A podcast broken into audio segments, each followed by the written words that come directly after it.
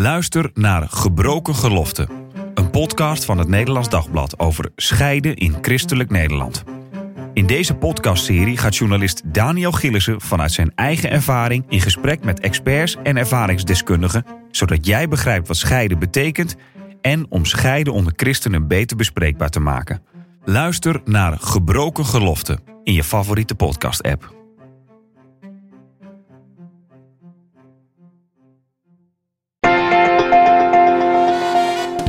De Sekspodcast. Christenen over relaties, liefde en seks. Leuk dat je luistert. Mijn naam is Marien Korterink en in deze podcast praat ik wekelijks over relaties, liefde en seks.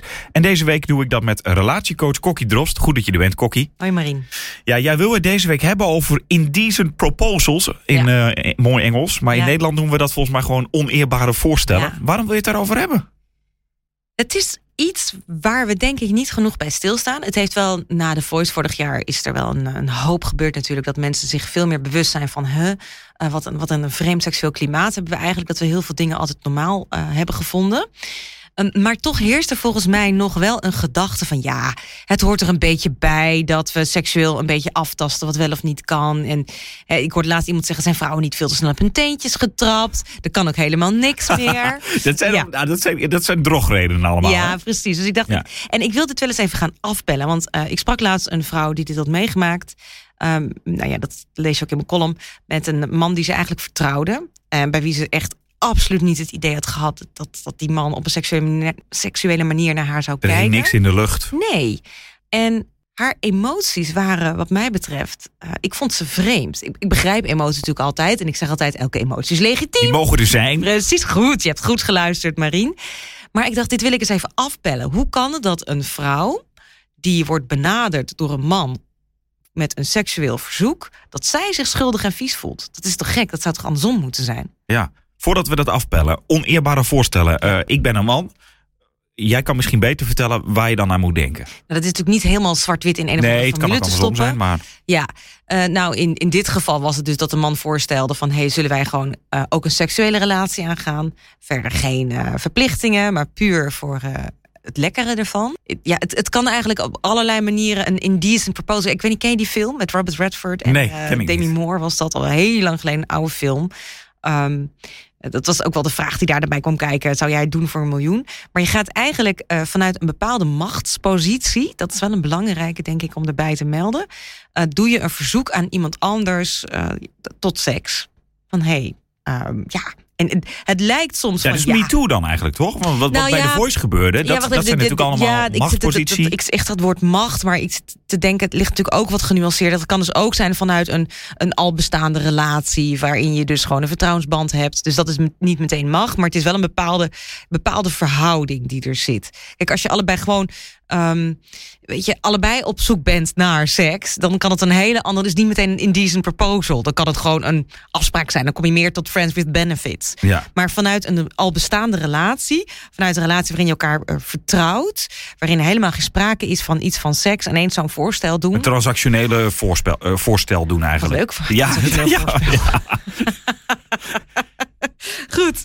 Nee, maar ik bedoel meer van dat bij wijze van spreken de een is gewoon getrouwd, maar eh, en dan iemand anders eh, komt dan met een voorstel van hey, zou je voor nou, en ik heb met dat indecent proposal bedoel ik eigenlijk gewoon een seksueel voorstel. Laat ik het gewoon maar zo duiden.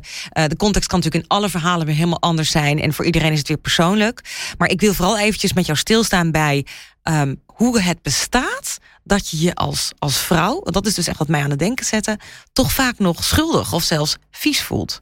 Want ja, je zou kunnen zeggen, twee volwassen mensen. Hè, ze, ze kan toch gewoon nee zeggen? Ja, Hè, dus dat- Mm. even, even om een praktisch voorbeeld te pakken. Ik ben er niet zo heel bekend mee, dus eh, zeg maar gewoon als het helemaal fout is.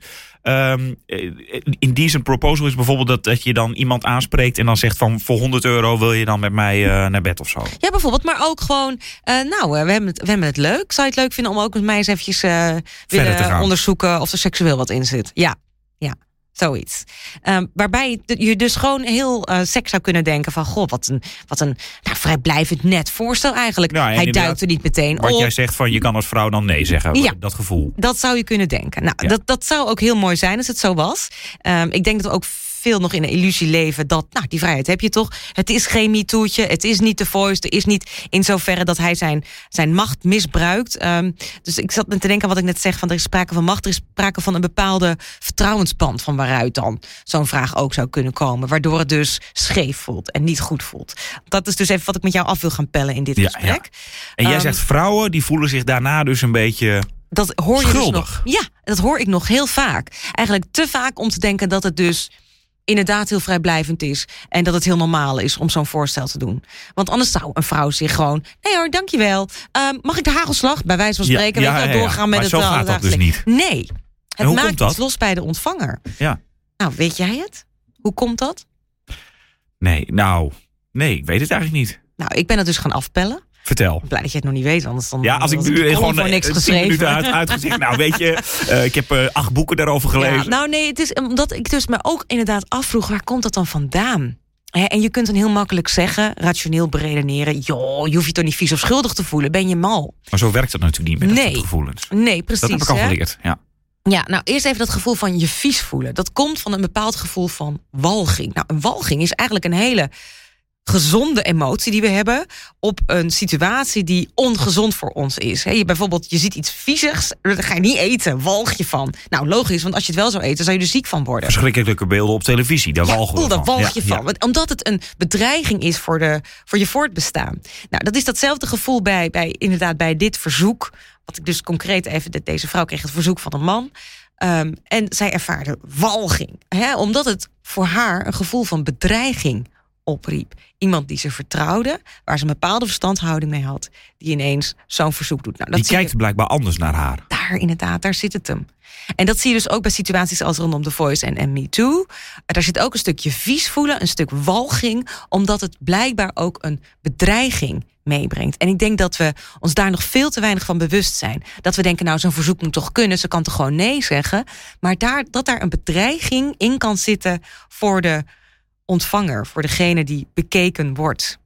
En is er nog een verschil met eh, pakweg tien jaar geleden, vijftien jaar geleden? Ik Ja. denk misschien dat seks trans transactioneler geworden is. Ja. En waardoor we het makkelijker, eh, normaler zijn gaan vinden dat je gewoon zo'n vraag zou Ja, en daar zit dus een enorme discrepantie in.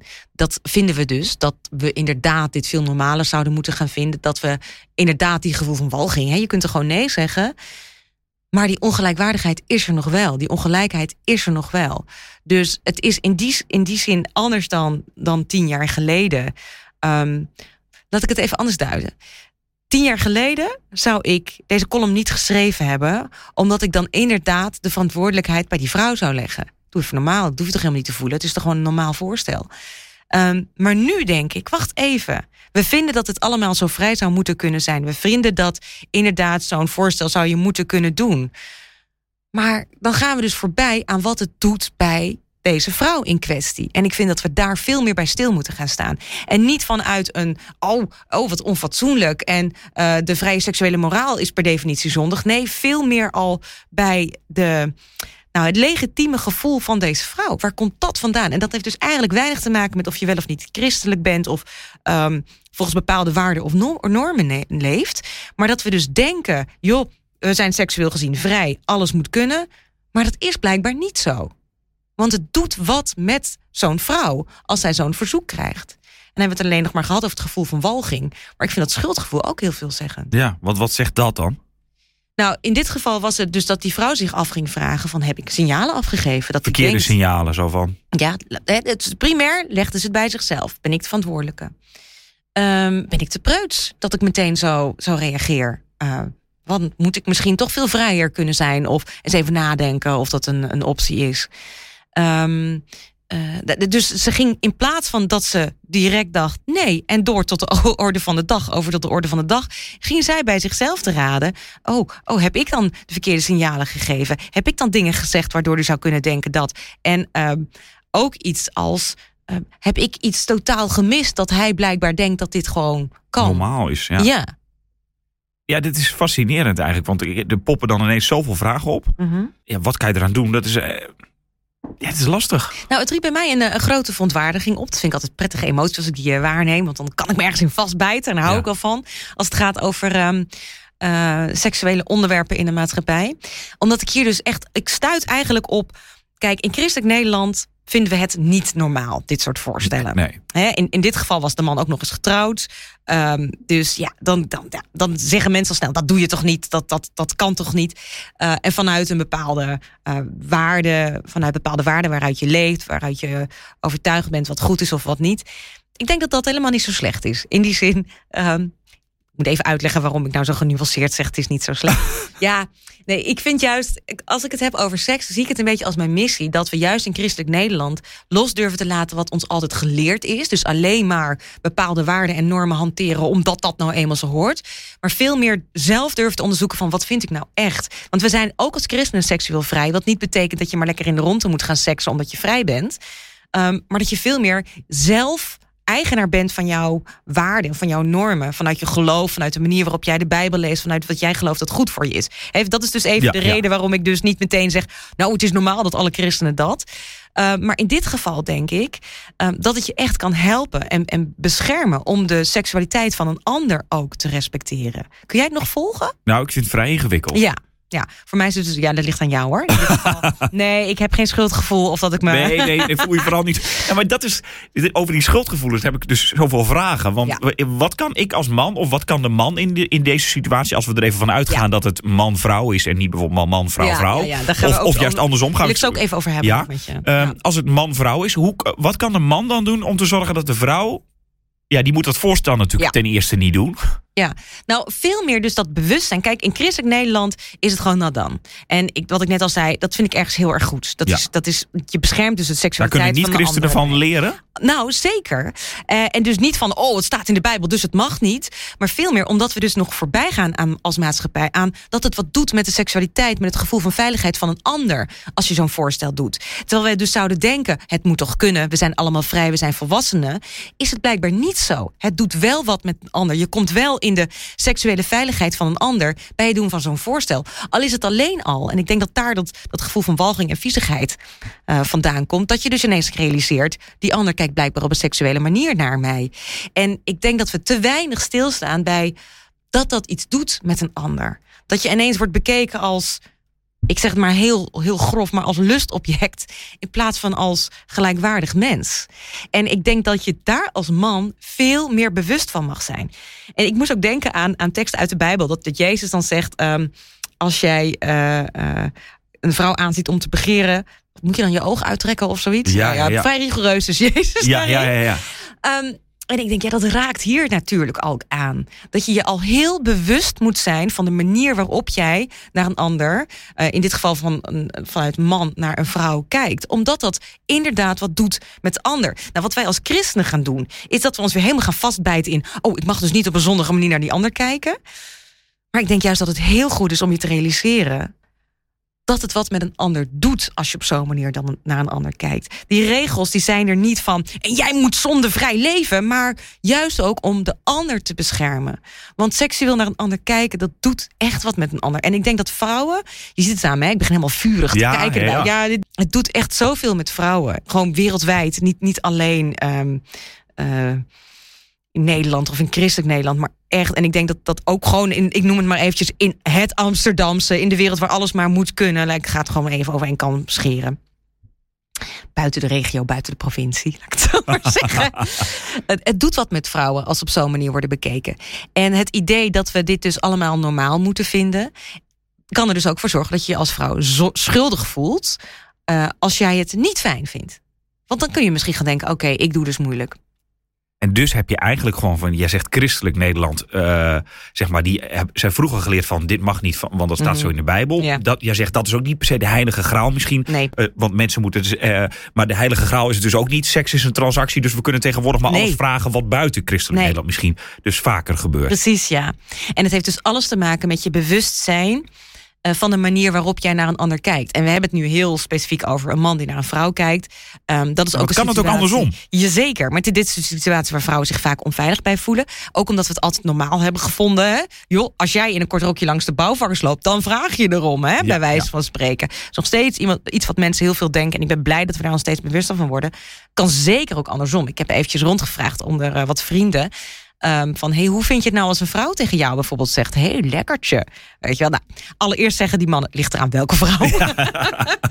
even, dat is ook iets waar ik het zo nog even met je over wil hebben. Wat als je het wel prettig vindt. Hè? Dat, daar, Ja, kan ja. daar natuurlijk ook nog een wereld in te winnen.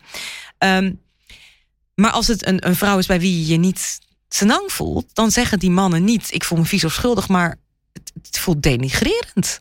Je wordt dus alleen maar bekeken om je buitenkant. En inhoud, dat doet er niet toe. Eh, vind ik wel ook weer een verschil met dat een vrouw zich bijvoorbeeld schuldig of vies kan voelen. Eh, en ongetwijfeld ook denigrerend van, oh, het gaat niet om jou als persoon. Maar er zit dus blijkbaar, hebben we daar als maatschappij ook nog weer iets in gecreëerd dat. ehm, Kijk, een man kan het dus ook op die manier ervaren als grensoverschrijdend. Hè? En denigrerend voelen is ook niet fijn of gelijkwaardig. Laten we dat ook vooropstellen. Maar een, het is een andere emotie dan je vies of schuldig voelen. Dat snap ik. Ja.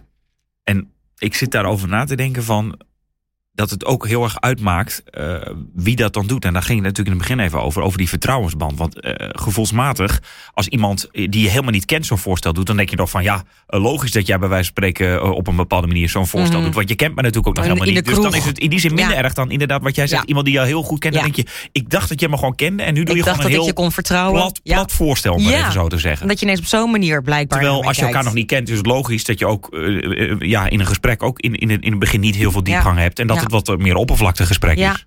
Dus nou eens even naar de, de hamvraag, waar jij vanaf het begin eigenlijk al een beetje benieuwd naar bent. Maar ja, kun je dan helemaal niks meer zeggen? Nou, hoe moet je dan nog. Nu, of ik dat...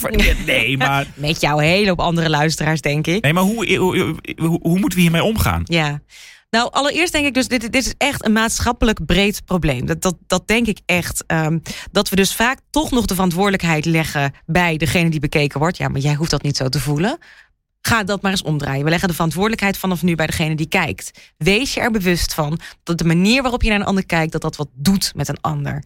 En er zijn echt, weet je, noem het intuïtie. ehm, of gewoon signalen die we onbewust lezen van elkaar. Dat is gewoon een feit. Je voelt het aan. Mannen ook, hè? vrouwen vaak ook. Maar mannen hebben dat gewoon ook. Dat is niet alleen een vrouwending. Dus dat vind ik de eerste hele belangrijke stap. Dat je daar al bewust van bent.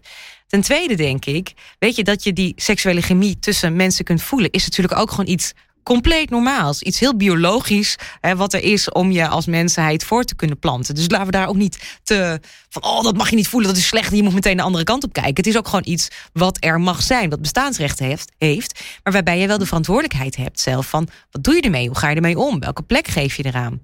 Ehm, dus ik denk ook wel, kijk, als jij verliefd bent op een, eh, een vrouw, ehm, dan is het juist, vraagt het ook wel om dat risico te durven nemen. Om te kijken van, hé, hey, ehm, ik, ik vind het echt heel fijn om bij je te zijn. Ehm, kunnen we onderzoeken of er een relatie in zit? Maar dat is iets heel anders dan, Ja, precies. joh, zullen we eens lekker de koffer induiken? Want daar liggen mijn primaire behoeftes. Ja. En ik wil niet de mannen nu beschermen.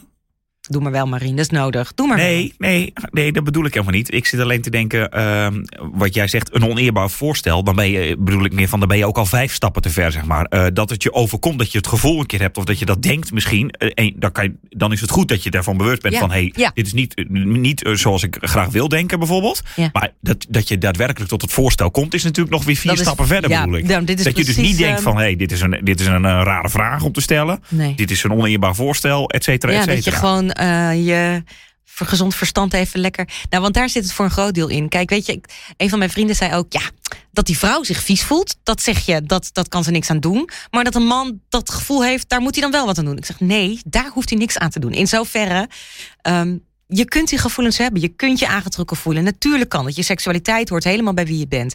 Maar inderdaad, wat je zegt, je hebt nog zoveel keuzes van wat Hoe doe handel je je er vervolgens mee. Ja, en ehm, uit de wetenschap is gewoon ook gebleken dat onze keuzes voor een heel groot deel worden beïnvloed als we ons gaan inleven in de ander. En dat is een hele belangrijke. Dat je je eens eventjes dus inleeft in, wacht even, wat doet deze vraag met een ander? Ehm, en ik denk soms als het gaat over onze seksuele behoeftes, dat we veel te egoïstisch zijn. Dat we echt denken, ja, maar ik vind dit toch lekker. En het is toch niet een probleem voor een ander. Eh, en dat we dat dan vaak ook dan weer scharen onder het idee van, ja, maar alles moet kunnen. En ehm, seks is toch lekker, we zijn toch vrij. We zijn los van de kerk en van alles wat ons altijd heet beknot. En ik denk dat we daarin in, in doorgeslagen zijn. Ja, dat is het, het goede woord. Ik, eh, want je kan natuurlijk ook hebben dat uh, iemand, iemand naar een. Uh, je kijkt als lustobject en andersom ook, zeg maar. Hè? Ja. Dat zeggen, mensen zeggen: Oh, maar ik hoef even helemaal geen relatie. Ik wil gewoon even vooral Ja. vanavond plezier. Ja. Dan kijk je natuurlijk allebei zo. Ja. Ja. Dus daar komen die voorstellen misschien ook van. Nou ja, misschien. En dat we dus blijkbaar zijn gaan denken, ja, dat moet toch kunnen. Hè? Iedereen heeft toch zijn eigen grenzen. Ehm, kijk, weet je, want dat- is ook wel wat er allemaal is losgemaakt bij, bij The Voice. Is, dat heeft wel bepaalde grenzen heel duidelijk gemaakt. In die zin dat, en daar ben ik heel blij mee, eh, dat we het niet meer normaal vinden dat een man eh, op een bepaalde manier aan een vrouw zit. eh, of misbruik maakt van zijn macht. Wat, wat ook jaren normaal is, is geweest. Ehm, maar nog steeds merk ik wel, weet je, het gaat mij niet zozeer om dat ik per se alle christelijke normen en waarden op iedereen wil drukken. Van zo hoort het en dan leef je pas goed en, en veilig genoeg. Maar dat ik wel steeds meer inzie van dingen die Jezus zei. Dus bijvoorbeeld van, nou, ruk je oog maar uit als je op zo'n manier naar een vrouw kijkt. Dat dat dus de, seksualiteit van de vrouw beschermt. En ik vind daar zoveel waarde in zitten. Veel meer dan alleen maar een normatieve eh, wet van zo moet je leven, anders ben je zondig. Maar veel meer leef je maar een zin in de ander. En dat is wel iets wat ik nog heel erg mis, zeker als het over seks gaat. Dat we ergens nog bezig zijn, dan heb ik het over de hele brede maatschappij met, ehm, eh, ja, we zijn vrij. Ergens vind ik daar, daar kunnen we als christenen misschien nog wel wat van leren. Dat, maar goed, daar gaan we een andere keer vast wel over hebben. Ehm, maar dat dat dus niet betekent dat, ja, dat je dan ook meteen eh, dat je jou een vrijbrief geeft om al, al je behoeften maar eventjes te, Op te uiten. gooien. Ja, ja. je hebt echt verantwoordelijkheid richting een ander. Maar wat ik wel heel belangrijk vind in dit hele verhaal, is dat je je zowel als man als als vrouw bewust bent van die seksuele behoeften. Want jij praat over, stel je voor dat je allebei getrouwd bent. En er zit zo'n chemie in de lucht. Hè? Nou, dan is het heel makkelijk om vreemd te gaan. En op zo'n mo- moment gaat het er dus- dus ook om dat je je wel bewust bent van je gevoelens, maar ook je ehm, rationeel nadenkt over wat ga ik hiermee doen. En hierin is het heel belangrijk dat je dus ook inleeft in je partner. Eh, Dat, dat dat iemand heel erg kan kwetsen. Misschien je gezin, wat een ongelooflijke ehm, moeilijkheden dat teweeg kan brengen. als je alleen maar puur achter je gevoelens aanloopt. Ja.